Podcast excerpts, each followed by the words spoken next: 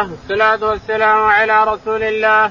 قال الإمام الحافظ أبو عبد الله محمد بن إسماعيل البخاري في صحيح باب الإهلال من البطحاء وغيرها للمكي وللحاج إذا خرج إلى منى وسئل عطاء عن المجاور يلبي بالحج قال وكان ابن عمر رضي الله عنهما يلبي يوم التروية إذا صلى الظهر واستوى على راحلته وقال عبد الملك عن عطاء عن جابر رضي الله عنه قدمنا مع النبي صلى الله عليه وسلم فأعلنا حتى يوم التروية وجعلنا مكة بظهر لبينا بالحج. وقال أبو الزبير عن جابر أهللنا من البطحاء. وقال عبيد بن جريج لابن عمر رضي الله عنهما رأيتك إذا كنت بمكة أهل الناس داره الهلال ولم تهل أنت حتى يوم التروية. فقال لمر النبي صلى الله عليه وسلم يهل حتى تنبعث به راحلته. بسم الله الرحمن الرحيم الحمد لله رب العالمين وصلى الله على نبينا محمد وعلى آله وصحبه أجمعين. يقول الإمام الحافظ أبو عبد الله البخاري رحمه الله في صحيحه ونحن لا نزال في كتاب المناسك في ظهور إلى عرفة وكيفية الخروج إلى عرفة وكيفية التلبية والإهلال. الإهلال هو التكبير وأحيانا يعنون به التلبية. أهل من كذا يعني لبى وأهل من كذا يعني كبر جائز ان يهل يقول سمعت يهل يعني يكبر وسمعت يهل يعني يلبي جائز هذا وهذا كلاهما سواء يقول رحمه الله باب الإهلال من البطحاء باب الإهلال يعني التلبية من البطحاء يعني تنوي بقلبك الحج وتلفظ بلسانك. لبيك حج وعليك تمامها. وإن حصل نحاس بغيت تشترك وإن بغيت لا تشترك أنت حر الانسان الشاهد تنوي بقلبك أنك تحج وتلفظ بلسانك أنها حجة تلفظ باللسان والقلب. يقول رحمه الله حدثنا وغيرها للمكي وللحاج إذا خرج إلى منى. التلبيه لأهل مكة يعني أن أهل مكة يهلون إذا خرجوا إلى منى. إن بغى يهل من الحرم إن بغى من بيته إن بغى من أي مكان يحرم من الحرم أو من بيته من أي مكان المكي هو حر.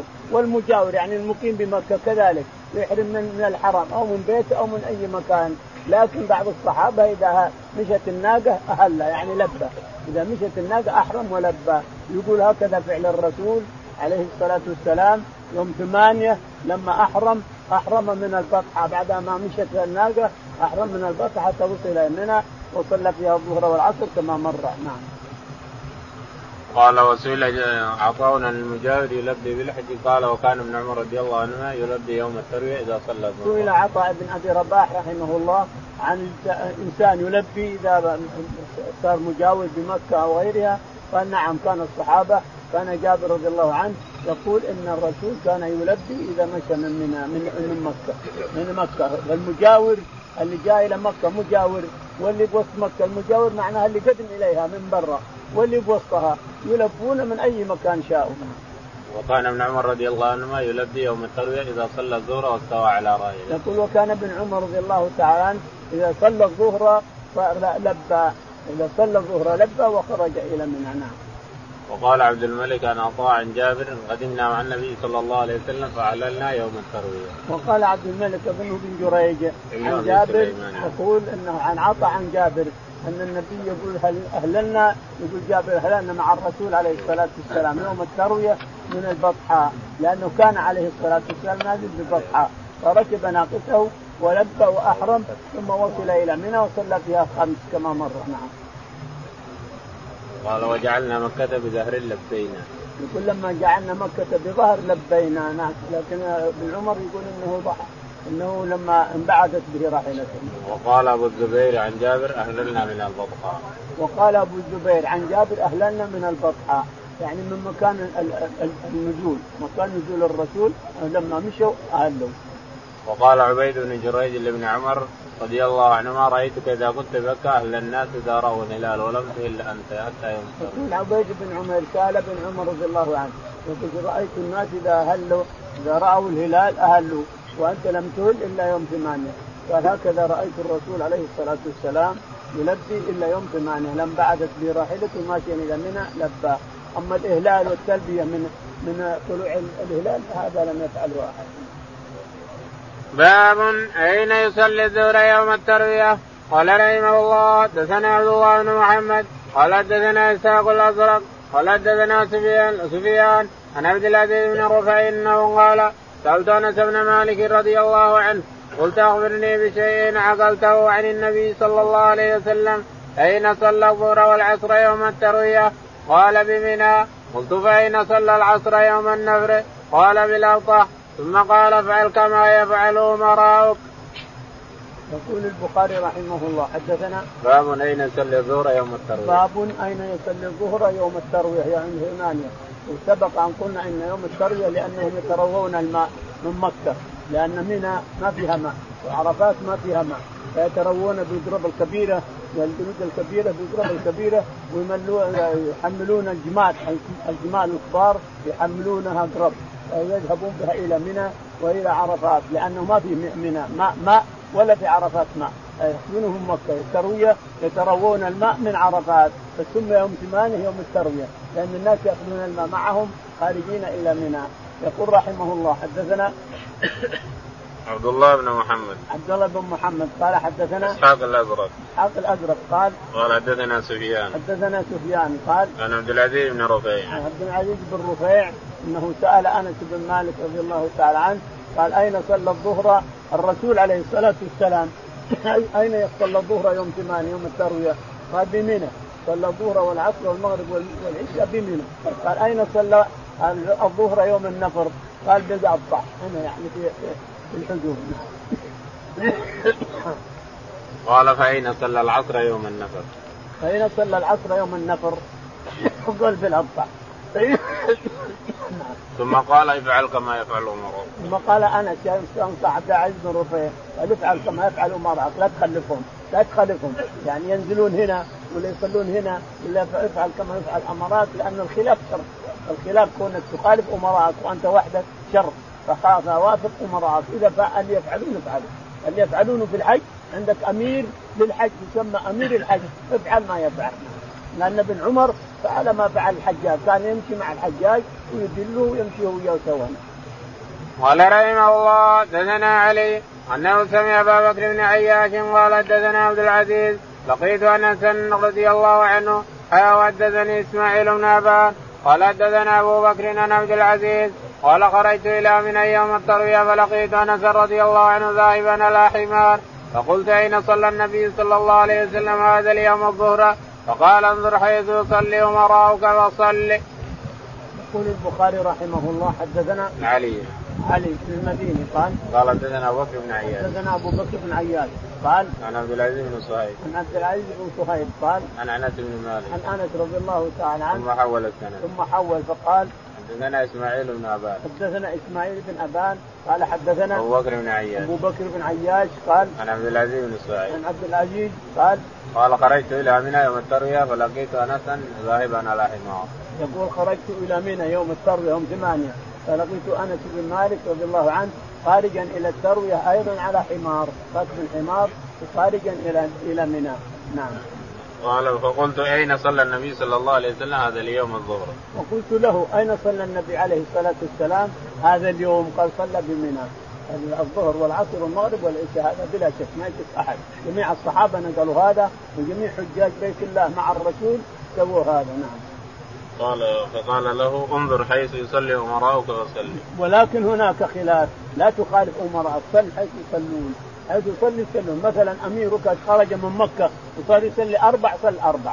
صلي أربع لا تقول هذا نسك وبصلي وحدي وبصلي علشان الرسول قصر الصلاة. لا تقول هذا. لا تخالف أميرك. اذا فعل شيء افعل معه لأن الخلاف شر وأنت في حج في عبادة. فإذا صلى أربع فصل أربع. وإذا ما جمع لا تجمع. إلى آخره. نعم. باب الصلاة بمنى. قال رحمه الله دثنا إبراهيم المنذر قال دثنا ابن وهب قال أخبرني يونس بن شهاب قال أخبرني عبيد الله بن عمر نبيه قال صلى رسول الله صلى الله عليه وسلم بمن ركعتين وأبو بكر وعثمان وأبو بكر وعمر وعثمان صدرا من خلافته. يقول البخاري رحمه الله باب الصلاة بمنى باب الصلاة بمنى حدثنا إبراهيم بن المنذر. إبراهيم بن المنذر. قال حدثنا ابن وهب. ابن وهب عبد الله قال عن يونس بن يزيد.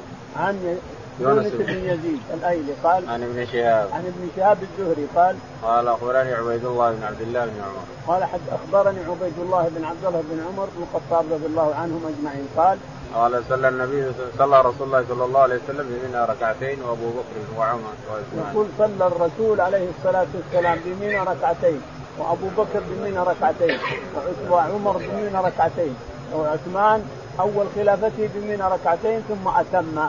قال لأنه تزوج بمكة ورأى أنه صار له أهل بمكة وأهل مكة ما ما يقصرون. هذا رأي عثمان رضي الله تعالى عنه وارضاه أنه تزوج بمكة وما دام تزوج مكه صار له أهل وأهل مكة ما يقصرون لازم يتمون. هذا رأي عثمان رضي الله تعالى عنه. ولهذا تجد الأئمة الأربعة يرون أنك ما تكسر لو خرجت. أنت يا المكي مالك ما عليك كسر ولا تكسر الصلاة ولا تجمع. لازم تصلي أربع الظهر أربع والعصر أربع والعشاء أربع والمغرب هي هي ثلاث والفجر هي هي اثنين. لكن تصلي الرباعية أربع. ما تكسر الصلاة ولا تجمع. أنت يا المكي. ومن كان مقيما فيها مجاورا فيها فإنه لا يجمع. إنما المسافر مسافر. يكسر ويجمع هو حر نعم. هنا أورد الحديث من طريق عبيد الله بن عمر العمر عن عمر عن ابن عمر ما لحق عن ابن عمر إيه؟ عبيد الله بن عمر ما لحق عبيد الله بن عمر عن عن عن عبد الله بن عمر عن عبد الله بن عمر إيه؟ هو يروي عن نافع عن ابن عمر من هو؟ عبيد الله بن عمر بن عبد الله بن عمر يعني ما يروي عن أبيه؟ عبيد الله بن عبد الله بن عمر ما يروي عن أبيه عبد الله؟ عبيد الله مو عبد الله عبيد الله هي ابن عمر ابن عبد الله بن عمر. ما أدركه. ما أدركه. ما أدركه عبد الله بن عمر ثالث. يرجع الناس عن ابن عمر. من يقول ما أدركه؟ الشارع يرجع الناس ما تحدث عندنا إنه ما أدركه ما ادري طيب نراجع إن شاء الله. انما عبيد الله يروي عن أبيه عبد الله. ما ما ما صار بينهم واسطة. ما رأيت واسطة. عنه انما ابحثوها أنتم بعد. صار يروي عن سالم عن عبد الله بن عمر. تارة عن نافع عن عبد الله بن عمر. ما أدرك عبد الله بن عمر العمر إلى عبد الله بن عمر. قال رحمه الله حدثنا آدم قال حدثنا شعبان ابي إسحاق الحمداني عن حارثة بن وهب الخزاعي رضي الله عنه قال صلى بنا النبي صلى الله عليه وسلم ونحن أكثر ما كنا قط وامنه بمن الركعتين. يقول البخاري رحمه الله باب الصلاة بمنى. باب الصلاة بمنى. حدثنا آدم بن أبي إياس. آدم بن أبي إياس. قال حدثنا شعبة. شعبة. قال حدثنا أبو إسحاق الحمداني. أبو إسحاق الهمداني قال عن حارثة بن وهب عن الخزاعي حارث بن وهب الخزاعي. قال قال صلى بنا النبي صلى الله عليه وسلم ونحن أكثر ما كنا مقوها يقول الحارث بن وهب الخزاعي رضي الله عنه صلى بنا الرسول عليه الصلاة والسلام ونحن آمن ما كان. يعني في منى. ركعتين ركعتين. يعني الظهر ركعتين والعصر ركعتين. لكنه لا يجمع. ما جمع عليه الصلاة والسلام. يصلي الظهر بوقته. يصلي العصر بوقته. يصلي المغرب بوقته. يصلي العشاء بوقته. يصلي الفجر بوقته. صلاها بمنى خمس ما جمع. إنما يقصر. قصر الظهر وقصر العصر وقصر العشاء كله. هذا في منى. ولا يقصر ولا يجمع. إنما يقصر عليه الصلاة والسلام. وحارث وهب يقول صلى بنا الرسول عليه الصلاة والسلام ونحن آمن ما كان. يعني ما عندنا خوف حتى نقصر. ما في خوف ولا شيء. إنما آمنين والحج حجه الوداع. فصلى بنا الظهر والعصر قصرا. وصلى بنا العشاء قصرا. وشيخ الإسلام ابن تيمية رحمه الله وتلميذه ابن القيم يرون أنه نسك. أن كل من وصل إلى منى هو نسك عليه لازم يقصر لكن الأئمة الأربعة يقولون لا أهل مكة ما يقصرون نعم. قال رحمه الله دثنا قبيصة بن عقبة قال دثنا سفيان للأعمش عن إبراهيم عن عبد الرحمن بن يزيد عن عبد الله رضي الله عنه قال صليت مع النبي صلى الله عليه وسلم ركعتين وابي بكر رضي الله عنه ركعتين وعمر ومع عمر رضي الله عنه ركعتين ثم تفرقت بكم الطرق ويا ليت حظي من أربع ركعتان متقبلتان. يقول البخاري رحمه الله حدثنا قبيصة بن عقبة قبيصة بن عقبة قال حدثنا سفيان الثوري. سفيان الثوري قال حدثنا الأعمش. الأعمش قال عن إبراهيم بن يزيد. عن إبراهيم بن يزيد قال عن عبد الرحمن بن يزيد. عن عبد الرحمن بن يزيد قال عن عبد الله بن مسعود. عن عبد الله بن مسعود رضي الله تعالى عنه أنه قال صليت مع الرسول عليه الصلاة والسلام بمنى ركعتين يعني الأوقات الخمسة وحين جينا من عرفات أيضا. الرسول عليه الصلاة والسلام لما رجع من عرفات إلى منى صار يقصر الصلاة أيضا. الظهر ركعتين والعصر ركعتين والعشاء ركعتين هكذا كل مقامه ثلاث أيام أقامها بمنى. عندما رجع قال يصلي ركعتين ركعتين. فيقول ابن مسعود رضي الله عنه صليت مع الرسول عليه الصلاة والسلام بمنى ركعتين. ومع أبي بكر الصديق رضي الله عنه كان أمير للحج ركعتين ومع عمر رضي الله عنه كان خليفة وأمير للحج ركعتين. ولكن جاء عثمان فتفرقت بكم الطرق. عثمان رضي الله عنه يتأول تزوج بمكة صار من أهل مكة وتزوج بمكة يقول صار لي أهل صرت من أهل مكة ما يمكن أقصر. هذا رأي عثمان. فيقول عبد الله بن مسعود رضي الله عنه يا ليت حظي من ركعه من رك من ركعه أربع ركعات ركعتين متقبلتان. لكنه رجع إلى كلام عثمان. عبد الله بن مسعود قال الخلاف شر فصلى أربع مع عثمان رضي الله عنه. باب صوم يوم عرفة. قال رحمه الله دثنا علي بن عبد الله قال حدثنا سفيان عن الزهري قال حدثنا سالم أنه قال سمعت عبيرا مولى أم الفضل عن أم الفضل رضي الله عنها شك الناس يوم عرفه في صوم النبي صلى الله عليه وسلم فبعثت إلى النبي صلى الله عليه وسلم بشراب فشربه. يقول البخاري رحمه الله باب الصوم يوم عرفة يعني هل يصوم أو ما يصوم شك الناس يقول حدثنا علي بن عبد الله. علي بن عبد الله. قال حدثنا سفيان بن عيينة. سفيان بن عيينة. قال عن الزهري. عن الزهري. قال حدثنا سالم بن عبد الله. سالم بن عبد الله. عن عمير مولى عن عمير مولى أم الفضل. أم الفضل. عن أم الفضل. بن عباس. يا أم الفضل بن عباس رضي الله عن الجميع قالوا إن الناس وقف الرسول بعرفة عليه الصلاة والسلام على ناقته القصوى مستقبل الجبل ومستقبل الكعبة، الجبل جبل عرفة قدامه هان والكعبة قدامه.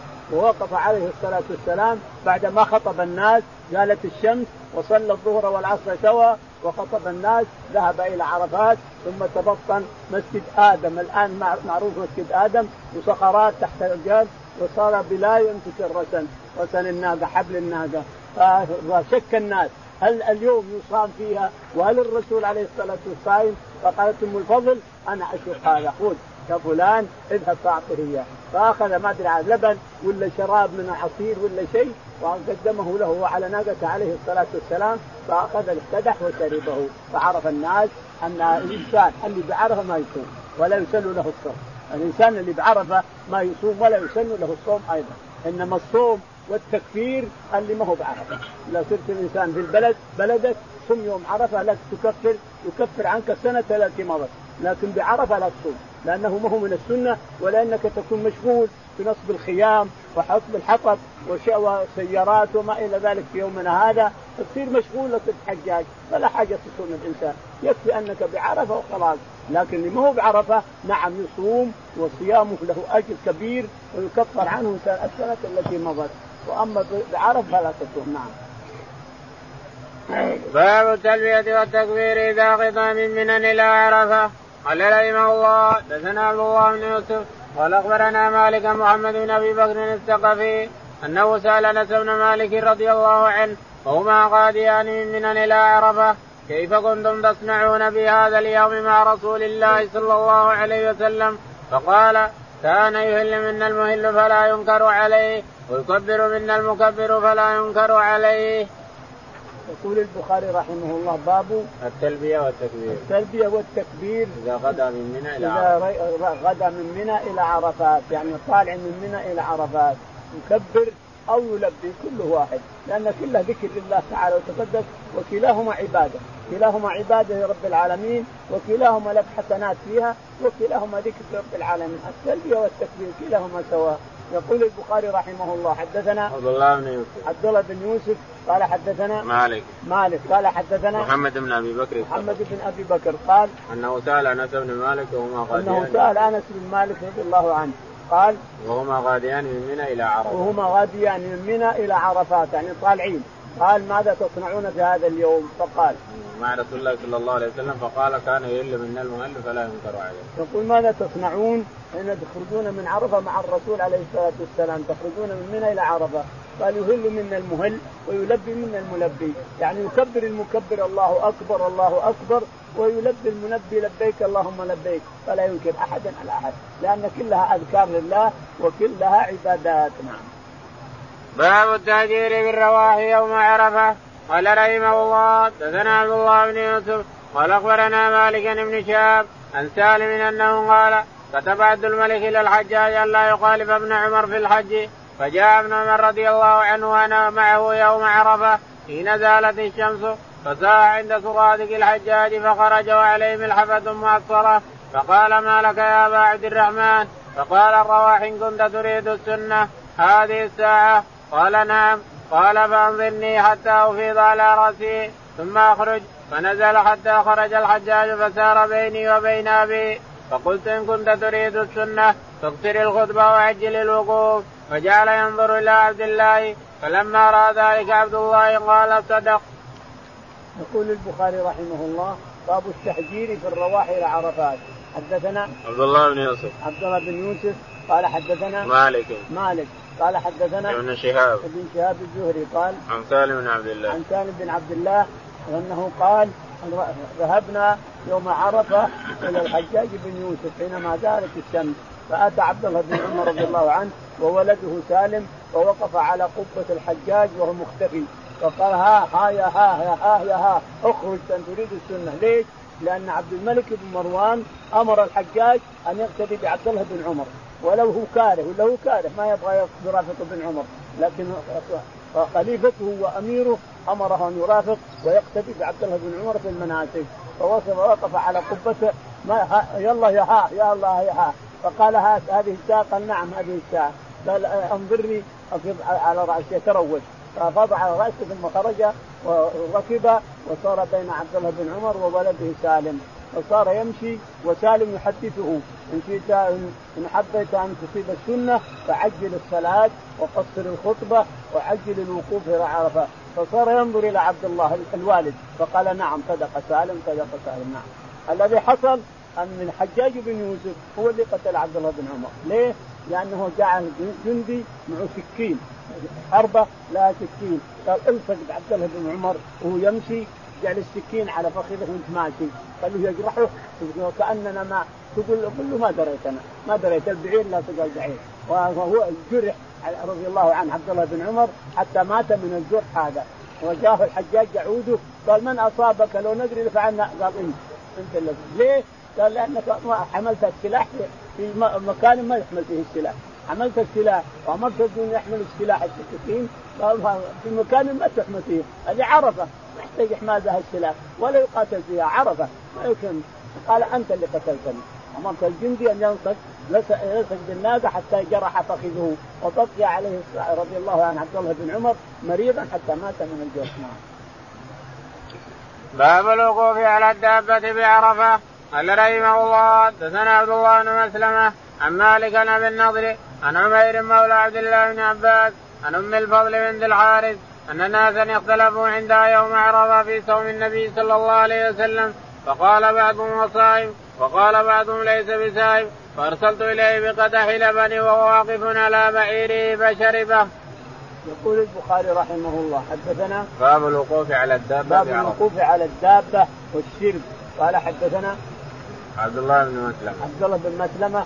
قال حدثنا مالك. مالك. قال حدثنا سالم بن النضر سالم أبو النضر مولى ابو مطيع قال؟ عن عمير مولى عبد الله بن عن عباس. عمير مولى عبد الله بن عباس. عبد الله بن عباس. قال؟ عن أم الفضل بنت عن الحارث أم الفضل بنت الحارث الهلالية زوجة العباس رضي الله عنهم أجمعين. قال؟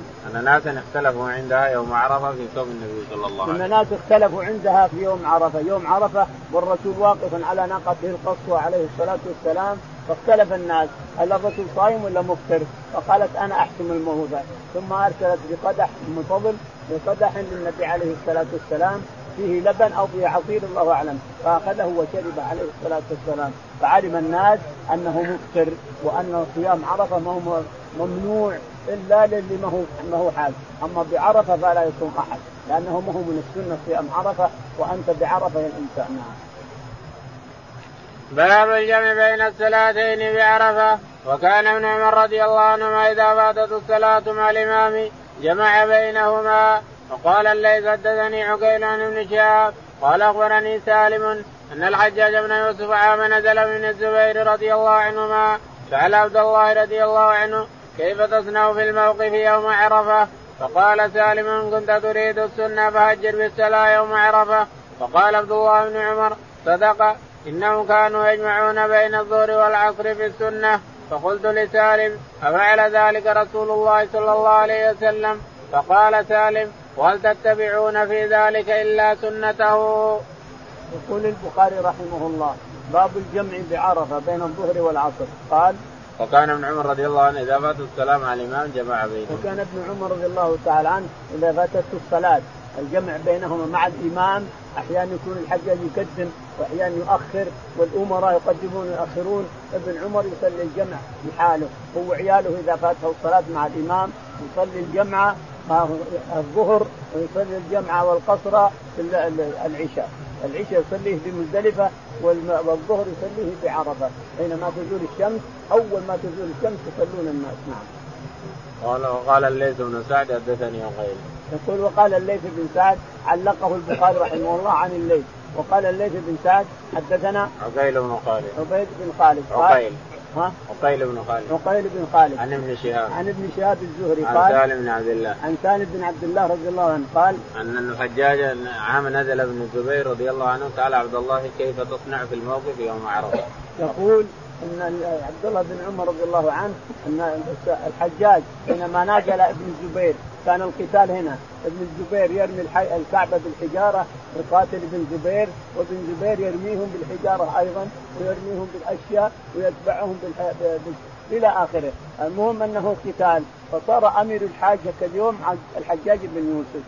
فسألوا كيف تصنعون؟ فقال يذهبون ويصلون الظهر والعصر جمعا تقديم. لأن ابن عمر قال له قدم الصلاة. كنت تريد السنة قدم صلاة الصلاة حينما تزول الشمس واجمع بينهما وقصر الخطبة واذهب إلى الموقف حينئذ. فيجمع بين المغرب العصر والظهر والعصر بعرفة ويجمع تقديما. ويجمع بين المغرب والعشاء تأخيرا. يعني أن الظهر في عرفة بعد ما تزول الشمس ثم يقف. ثم إذا غربت الشمس يأتي إلى مزدلفة بعد ساعة ونصف لأنه للناقه ساعة ونصف وأما السيارة الآن يمكن ربع ساعة أو نصف ساعة أو أقل أو أكثر وأحيانا يكسرها ولا يجي إلا الساعة 6 من الليل أو الساعة 10 من الليل. المهم متى ما وصلت إن شئت أن تصلي في الطريق فصلي وإن شئت أن تصلي في مزدلفه فصل لأن الصحابة رضي الله تعالى عنهم لما قال لهم الرسول عليه الصلاة والسلام عام الحديبية من كان من, من امشوا إلى قريظة ولا يصلين أحد منكم العصر إلا في بني قريظة، لا يصلين أحد منكم العصر إلا في بني قريظة، مشى الصحابة رضي الله عنهم كافة المهاجرين والأنصار، فمنهم من صلى بالطريق، قال العصر وقف كيف قال قال قال لي بس أمر الناس، قال لا يريد أننا لا نصلي. نجتهد لكن الحين العصر وقف ونخشى يذهب العصر يصلي بعضهم في الطريق وبعضهم صلى في بني قريظة حتى لو غربت الشمس اتباعا لأمر الرسول عليه الصلاة والسلام. فهكذا إذا اردت تصلي هنا تصلي هنا أنت حر يعني أنت اليوم زحام لا شك في هذا. وقد تمسكك السيارات وقد فصلي في الطريق إن شئت وإن ما استطعت فأبقي الصلاة حتى تصل إليها لو نصلي لو نصلي لكن الجمع سنة. الجمع مو سنة الجمع ركن ركن من أركان الصلاة الحج أو أنه فريضة من فروض الحج أو أنه نسك من المناسك لأن كل شيء فعله الرسول. وقال اصنع اصنعوا مثل ما أصنع مثل ما جعلوه الركن جعلوه من أركان الحج. خذوا عني مناسككم يعني كل شيء قال خذوا عني مناسككم فيه فمعناها أنه ركن من أركان الحج أو واجب من واجبات الحج على الأقل نعم فقلت لسالم افعل ذلك رسول الله صلى الله عليه وسلم فقال سالم نعم وهل تتبعون في ذلك؟ سألت سالم هل كان الرسول هل تعملون هذا؟ قالوا هل تفعلون الآن إلا فعل الرسول عليه الصلاة والسلام؟ المسلمون اليوم متبعون الرسول عليه الصلاة والسلام فافعل ما فعل المسلمين باب قصر الخطبة بعرفه قال رحمه الله دثنا عبد الله بن مسلمة قال أخبرنا مالك بن شهاب عن سالم بن عبد الله أن عبد الملك بن مروان كتب إلى الحجاج ان ياتم بعبد الله بن عمر في الحج. فلما كان يوم عرفة جاء ابن عمر رضي الله عنهما ومعه حين زاغت الشمس وأنا معه حين زاغت الشمس. أو زالت فصاح عند فصاته أين هذا؟ فخرج إليه فقال ابن عمر الرواه فقال لا أنا قال نعم قال أنذرني يفيض علي ماء. فنزل ابن عمر رضي الله عنهما حتى خرج فسار بيني وبين أبي. فقلت إن كنت تريد السنة فقلت إن كنت تريد أن تصيب السنة اليوم فاقصر الخطبة وعجل الوقوف. وقال ابن عمر صدق. يقول البخاري رحمه الله حدثنا وباب قصر الخطبة بعرفة. باب قصر الخطبة بعرفة، يعني من السنة أن تقصر الخطبة، اليوم هذا ساعة يمكن أو ساعة ونصف يخطب الإمام، الإمام في العرفة تسمع من الإنسان يخطب ساعة أو ساعة وربع أو ساعة ونصف وهذا ليس بسنة. يقول البخاري يقول البخاري رحمه الله حدثنا عبد الله بن مسلمة. عبد الله بن مسلمة. قال حدثنا مالك. مالك. قال حدثنا ابن شهاب. ابن شهاب. قال عن سالم بن عبد الله. عن سالم بن عبد الله رضي الله عنه. أن عبد الملك بن مروان كتب إلى الحجاج أن اقتدي بعبد الله بن عمر في المناسك. فجاءه عبد الله عمر لما وصل الوقت جاءه قال أين هذا؟ يعني اخرج. فقال الآن يا أبا عبد سالم؟ قال يا أبا عبد قال نعم الآن. قال أنظرني افيض على رأسي جليل من الماء. فأفاض على رأسه ركب وصار بين سالم وأبيه وعبد الله بن عمر. وقال له سالم إن شئت أن تصيب السنة فاقصر الصلاة وعجل الخطبة. أي عجل الخطبة وقصر واقصر الصلاة. فقال له عبد الله صدق سالم صدق سالم. نعم يعني تعجيل الصلاة الظهر والعصر وتفسير الخطبة أنك تقول كلمات لا تشك على الناس الإنسان.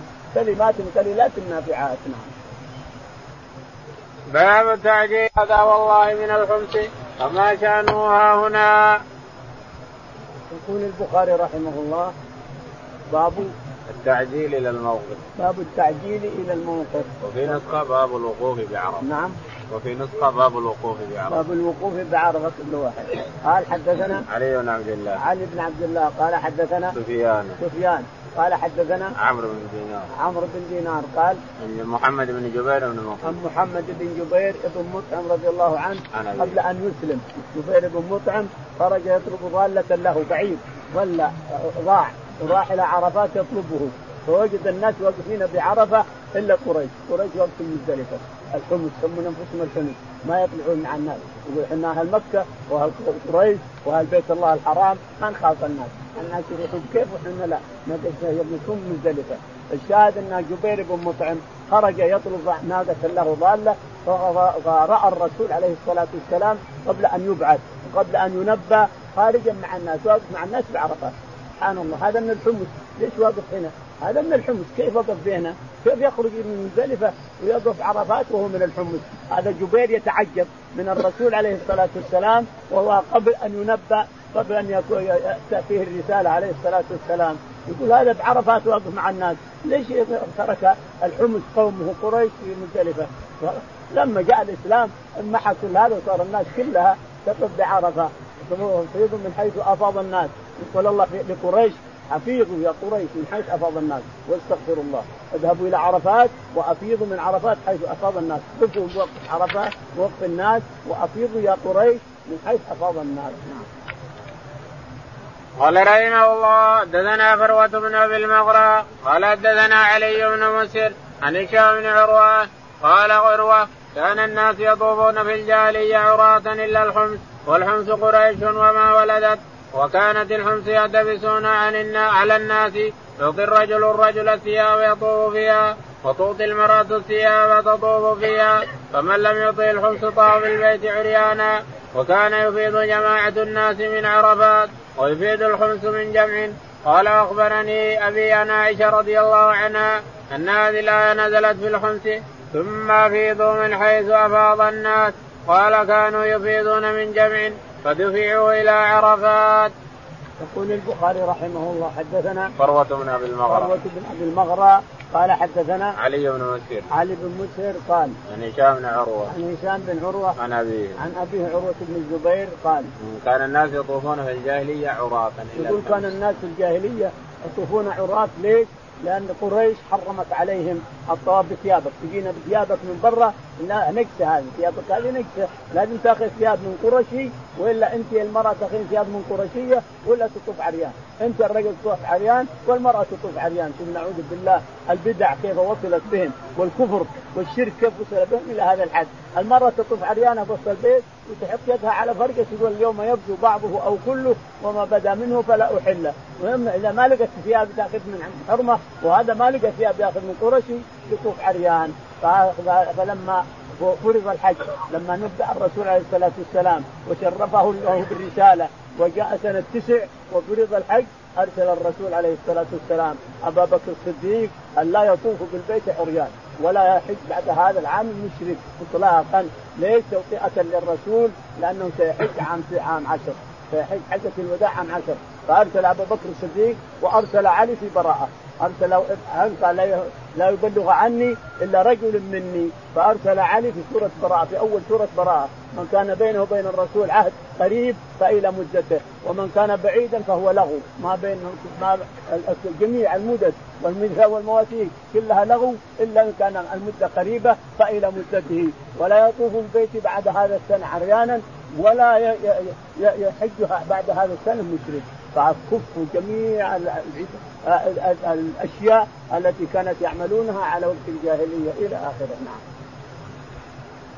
قال عروة واخبرتني عن عائشه أن هذه الآية نزلت في الخمس ثم افيضوا يقول عروة هذه الآية ثم افيضوا من حيث أفاض الناس واستغفروا الله إن الله غفور رحيم نزلت في قريش لأنهم يقفون المزدلفة يقولون إحنا الحمص ولا نطلع من حدود الحرم خلاص. الحرم حقنا ولا نطلع من حدوده والناس يروحون إلى عرفات والعرفات حل باب السير إذا دفع من عرفة. قال رحمه الله دثنا عبد الله بن يوسف قال أخبرنا مالك بن هشام بن عروة نبي أنه قال سئل أسامة رضي الله عنه أنا جالس كيف كان رسول الله صلى الله عليه وسلم يسير في حجة الوداع حين دفع؟ قال كان يسير العنق فإذا وجد فجوة النص. قال هشام والنص فوق العنق فجوة متسع والجميع فجوات وفجات وفجات وكذلك ركوة وركاء مناس ليس حين فرار. يقول البخاري رحمه الله حدثنا باب السير إذا دفع من باب السير إذا دفع من عرفة يقول حدثنا عبد الله بن يوسف. عبد الله بن مسعود عبد الله بن يوسف. بن يوسف. قال حدثنا مالك. مالك. قال عن هشام بن عروة عن هشام بن عروة عن أبيه عروة بن الزبير. نعم. أنه قال سئل أسامة وأنا جالس. نقول عروه بن الزبير رضي الله عنه سئل أسامة بن زيد وأنا جالس. عن فعل الرسول في دفعه من عرفة. قال كان يسير العنق إن وجد فجوة وجد طريق أسرع أرخى الحبل للناقه القصوى. إن وجد الطريق أرخاها. وأسامة بن زيد خلفه. راكب رديفا له عليه الصلاة والسلام. أسامة رديفا له في عرفات. فيقول إن وجد فجوة وجد طريق فك الحبل شوية خلاها تجري. وإن ما وجد طريق مسك الحبل. وقال يقول للناس السكينة السكينة يوم بيده الجنة الشريفة. السكينة السكينه أيها الناس. ليس البر بالإيضاع. ليس البر بالهجيج البر ما هو بالهجيج البر بالسكينة. عليكم بالسكينة عليكم بالسكينة. فإن وجد فجوة أرخى الحبل مدة الناقة. صارت تجري. وإن كان زحام مسك الحبل. إلى حتى وصل إلى مزدلفة. ثم بعد ذلك أردف الفضل بن عباس. من عرفات إلى إلى مزدلفة رديفه أسامة بن زيد رضي الله عنه. أما من من مزدلفة إلى منى فرديفه الفضل بن عباس وهو الذي لقط له الجمار حينما وصل إلى منى. نعم. قال فجوة متسعة. الفجوة المتسعة. الفجوة الواسع يرخي لها الحبل. الجميع فجوات وفجات يجمع على فجوات نعم. وكذلك ركوته وركاء يوضح لنا اللغة جزاه الله خير. نعم.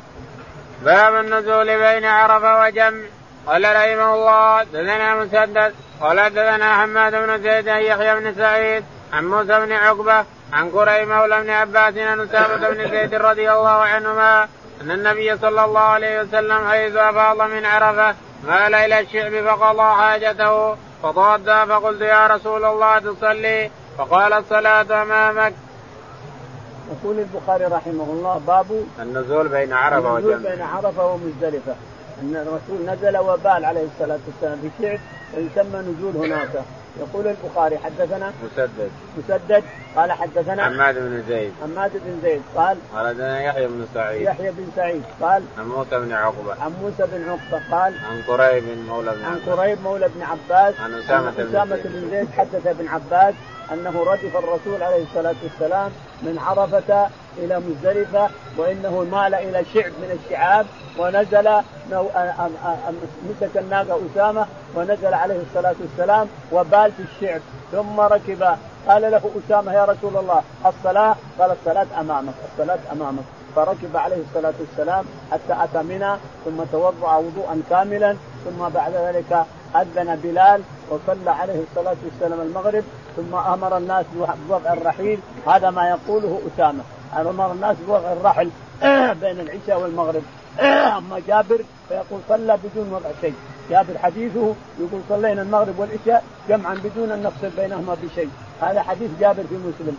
أما أسامة كما تسمعون يقول فأمر الناس أن يضعوا رحالهم ثم أقام بلال للعشاء. بعدما صلى المغرب أمر الناس بوضع الرحال على النوب لئلا تتعب لأنها بهائم ولا اخشى اللي عليها يأذيها. ثم يقول أقام الصلاة في العشاء وصلى العشاء ثم نام عليه الصلاة والسلام حتى أسفر جدا حتى صلى الفجر ثم وقف حتى أسفر إلى آخره. نعم.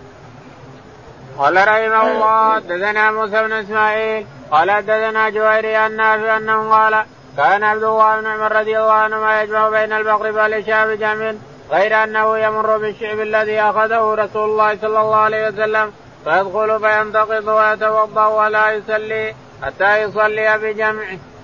يقول البخاري رحمه الله حدثنا موسى بن إسماعيل. موسى بن إسماعيل قال حدثنا جويرية بن. جويرية قال حدثنا نافع. نافع عن ابن عمر أنه كان يفعل ما فعل الرسول عليه الصلاة والسلام.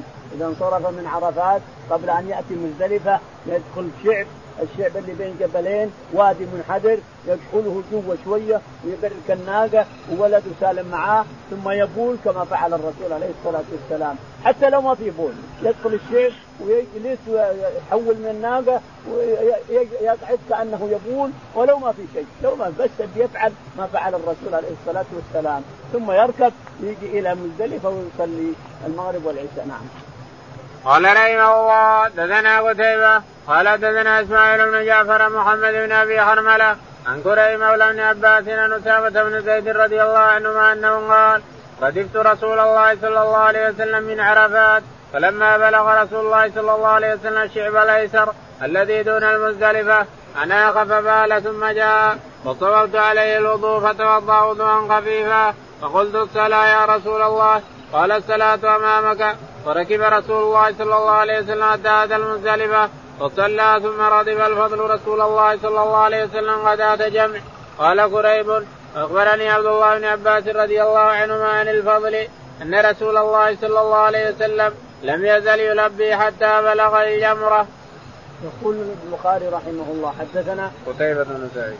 شيبة بن سعيد قال حدثنا إسماعيل بن جعفر. إسماعيل بن جعفر قال حدثنا محمد بن أبي حرملة. محمد بن أبي حرملة قال عن قريب. عن كريب عن أسامة بن زيد. عن أسامة بن زيد رضي الله عنه قال قال ردفت رسول الله صلى الله عليه وسلم من عرفات حتى بلغ رسول يقول ردفت الرسول يعني صار ردفا له على القصوى الرسول على إشداد وابن اسامه وراء ماسك إشداد يقول فردفت على للرسول عليه الصلاة والسلام فصار يسير حتى وصل إلى شعب موجود في قبل قبل مزدلفه بقليل فدخل عليه الصلاة والسلام ثم اناخ ناقته ثم جلس يبول ثم بعد ذلك يا رسول الله الصلاه قال الصلاه الصلاة أمامك. يقول فركب حتى وصل مزدلفة. ثم اناخ وتوضأ وضوءا كاملا ثم صلى المغرب والعشاء معه. قال ثم رضف الفضل رسول الله صلى الله عليه وسلم غداة الصباح. بدي الفضل بن عباس رضي الله عنه فيها حتى رمى الرسول جمرة، الفضل بن عباس ردف للرسول من مزدلفه إلى منى، يقول حتى رمى الجمرة، لكن هذا رمى الجمرة متى؟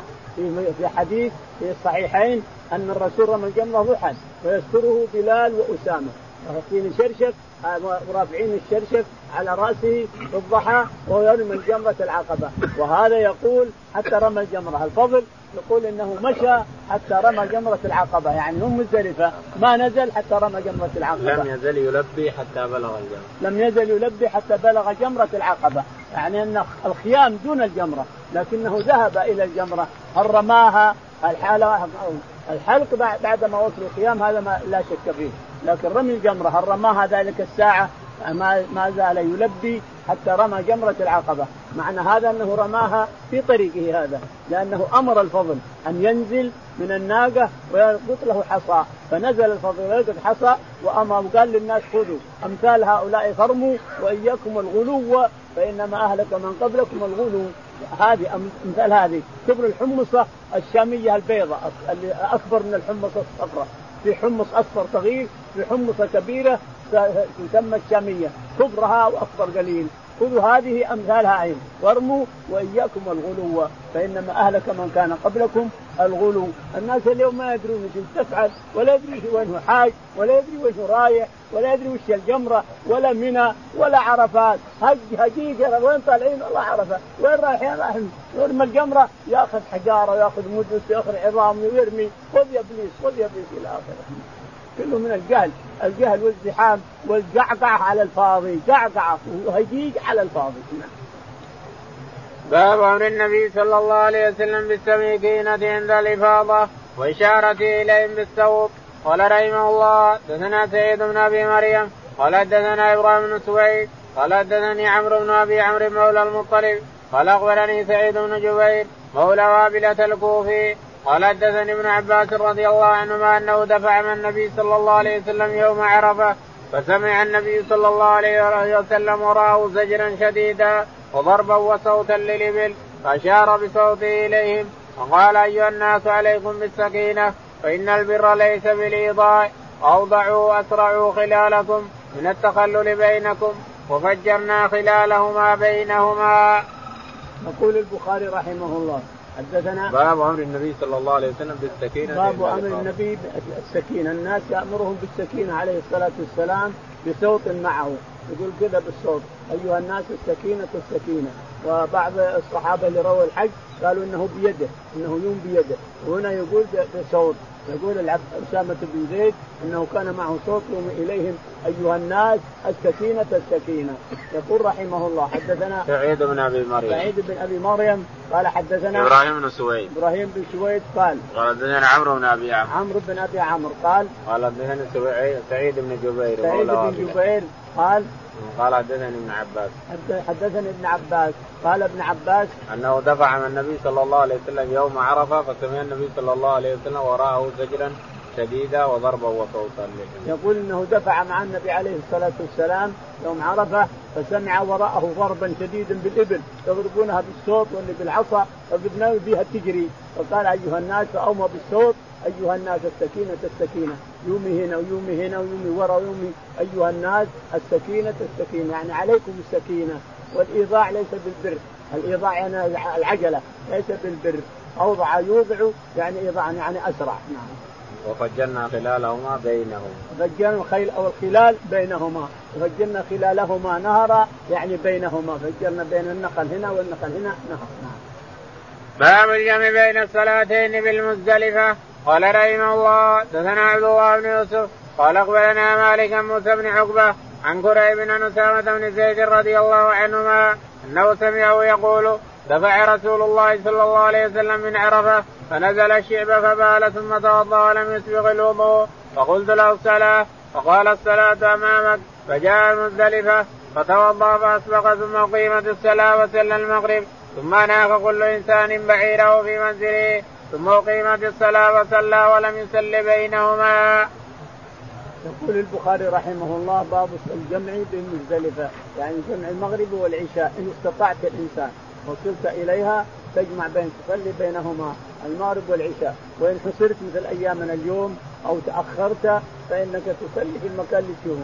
إذا وجب الوقت وجب العشاء أخيرا إذا وجب العشاء صلي الإنسان في أي مكان كنت. إذا ما استطعت أن تصل الوقت المحدد فصلي المغرب والعشاء ولا تخلي الوقت يفوت لا تفوت الوقت. صلي في المكان في أي مكان ترى أنك تستطيع تصليه لأن أيامنا هذه يقول كثير من الأخوان أنهم ضربوا الوادي الأيمن الطريق الأيمن وأنهم حصروا حتى كاد الفجر أن يطلع. لاحظ حصروا عن عرفة أيضا ما ما جو عرفة حتى عرفة وصلوها. عرفه يشوفون أنوارها يشوفونها يقول ما استطعنا من الزحام يقول أربعة صفوف كلها مزحومة وكل واحد يسأل لو فاتنا الحج ماذا نعمل؟ وهذا يقول لو فاتنا الحج إيش نعمل؟ وهذا يقول لكن الله فرج عنهم ومشوا ووصلوا عرفة قريب الفجر ثم صلوا بمزدلفه المغرب والعشاء الصلاة الفجر قريب الفجر كل هذا جائز لأنه خلاص لأن هذا كرب وهذا مثلا شيء حدث جديد من كثرة العالم وكثرة الحجيج كثرة السيارات وكثرة الضجيج والهجيج. كل هذا يحصل من مخالفة السنة كثير. نعم. قال حدثنا عبد الله بن يوسف حدثنا عبد الله بن يوسف. قال حدثنا مالك. مالك. قال حدثنا موسى بن عقبه موسى بن عقبة قال عن قريب. عن قريب. قال عن أسامة بن زيد. عن أسامة بن زيد رضي الله عنه. قال أنه سمع يقول دفع رسول الله صلى الله عليه وسلم من عرفة فنزل الشيبه فقال ثم توضأ ولم يقول أسامة يكرر ما قاله سابقا أن الرسول دفع من عرفات عليه الصلاة والسلام حتى أتى الشعب ثم قال أنا خناقه وقال ثم قال الصلاة يا رسول الله؟ قال الصلاة أمامك. يقول فركب وأتى المزدلفه ثم أناخ عليه الصلاة والسلام وتوضأ الوضوء الكامل ثم أمر بلال أن يؤذن فأذن بلال أذانا واحد. ثم أقام لصلاة المغرب ثم أقام لصلاة العشاء نعم. قال فجاء المزدلفة فتوضأ فأسبغ الوضوء ثم أقيمت الصلاة. فصلى المغرب ثم أناخ كل إنسان. ثم أناخ هذا حديث أسامة أنه أناخ عليه الصلاة والسلام وأمر الناس بحط الرحل بعد. أسامة يقول أمر الناس بحط الرحل بين الصلاتين. جابر يقول له جابر حديثه أن النبي عليه الصلاة والسلام صلى المغرب والعشاء لم يفصل بينهما. نعم. والله أعلم. اللهم اهدنا فيمن هديت وعافنا فيمن عافيت وتولنا فيمن توليت. اللهم توفنا مسلمين وألحقنا بالصالحين رب العالمين.